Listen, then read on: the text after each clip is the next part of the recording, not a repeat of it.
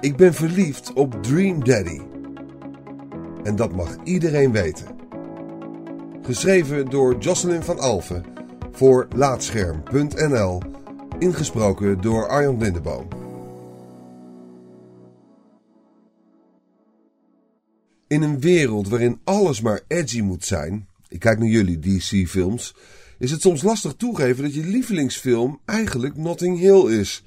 Om dat naar games te vertalen, als je zegt het liefst vrolijke, cartoony games te spelen, word je door hardcore gamers al snel scheef aangekeken. Combineer dat met mijn ongezonde drang om altijd cool gevonden te willen worden, en je hebt een gamer die niet gauw eerlijk durft te zijn over haar echte lievelingsgames. Kijk, natuurlijk hou ik van Bloodborne, maar word ik daar zo dom blij van als van dating sim Dream Daddy? Nee. Het was vriendin Jay die PhD-onderzoek doet naar gamepersonages die Dream Daddy bij me onder de aandacht bracht. Voor haar hoofdstuk over personages in dating sims moest ze er een aantal spelen. Ik keek er heel erg tegenop om al die dating sims te spelen, want, nou ja, die zijn natuurlijk super fout. Maar Dream Daddy bleek me een partij leuk, vertelde ze enthousiast. Ik was meteen geïntrigeerd, want vriendin Jay heeft smaak. Dus, baldadig als ik me voelde, dankzij de 1,3 gin en tonic die ik op had, vroeg ik haar of ik Dream Daddy even kon spelen. Vijf minuutjes maar, voor de shits en giggles. Vijf minuutjes werden een uur.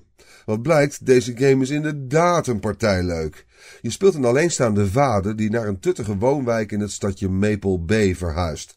Je nieuwe buurtgenoten zijn stuk voor stuk knappe vaders en je kunt ze allemaal daten. Je kunt kiezen uit totaal zeven vaders. Van een koffiehipster met een voorliefde voor vinyl tot tall, dark and handsome met een afgeracht leren jasje. Het spel ademt charme. Van de custom character designer, Build That Dead, tot de regen van aubergine-emojis als je de juiste snaar raakt bij een vrijgezelle vader. En de dialogen zijn hilarisch. Voorbeeld. Op de derde date met papa Matt zoekt hij een muzikant die even kan invallen. Als jij aangeeft dat wel te willen doen, denkt je personage paniekerig: Your unending thirst will be your ultimate downfall. Hij kan namelijk helemaal geen instrument bespelen. Ik giechelde hardop. Het was duidelijk, ik was hard voor deze datingsim gevallen en moest hem zelf hebben om uit te spelen. Zodoende stofte ik mijn verwaarloosde Steam-account af en downloadde ik de game. De volgende dag werd ik zo ziek dat ik een hele grieperige, eenzame week aan huis gekluisterd zat. Ik was maar tot twee dingen in staat: mezelf van bed naar de bank slepen en Dream Daddy spelen. Dat is namelijk het voordeel van dating sims. Je hoeft alleen maar een beetje te klikken, dus zelfs met een eilend koortshoofd kon ik van Dream Daddy genieten. Die week lag ik met mijn laptop in bed of op de bank en versierde ik alle vaders. En ik werd gaandeweg continu blij verrast. Dream Daddy had namelijk een ongevoelige, grove game kunnen zijn, maar nee, dit is een spel vol geloofwaardige character development, respect voor queer personages en slim geschreven grappen. De humor gaat ten koste van buurtvadercultuur, niet de seksualiteit van de personages. Hulde. Ik zie namelijk veel liever dat opschepperij een strak gemaaide gazons belachelijk wordt gemaakt dan een gemarginaliseerde groep. Een andere blije verrassing was de belangrijkste relatie van Dream Daddy. Dat is niet die tussen je personage en zijn droomvader, maar die met dochter Amanda. Ze is 17 en heeft nogal wat op haar bordje. Universiteitskeuzes, verwaterende vriendschappen en het verwerken van de dood van haar andere ouder, die voor het begin van de game is overleden. Als vader kies je zelf hoe je omgaat met Amanda's soms puberale gedrag. Best lastig, want je kunt het ook nog eens fout doen en Amanda's verhaallijn goed verpesten. Dus stel je je autoritair op of begripvol.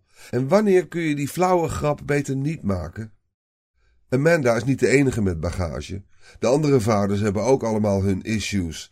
Van de overwerkte crack tot Robert met zijn drankprobleem. Het is dan ook heel bevredigend om iedere papa beter te leren kennen. Zo kom je er bijvoorbeeld achter dat de gothic Damien eigenlijk gewoon een saaie ICT-medewerker is die naar Bruce Springsteen luistert. Of dat de intellectuele Hugo een geheime obsessie heeft met WWE-worstelen. Erg aandoenlijk allemaal. Kortom, ik heb onironisch genoten van iedere seconde Dream Daddy. En dat ga ik niet meer voor me houden. Want waarom zou ik me eigenlijk guilty voelen over mijn pleasures? De games waar ik blij van word, speel ik voortaan niet meer in het geniep. Ik speel ze loud and proud.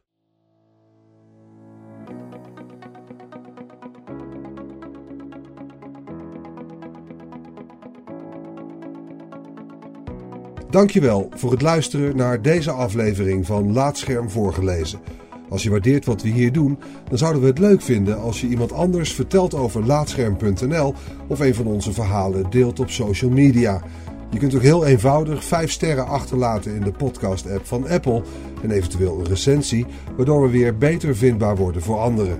Luister ook naar onze andere maandelijkse podcast Praatscherm en ga voor meer verhalen, geschreven of gesproken, naar laatscherm.nl.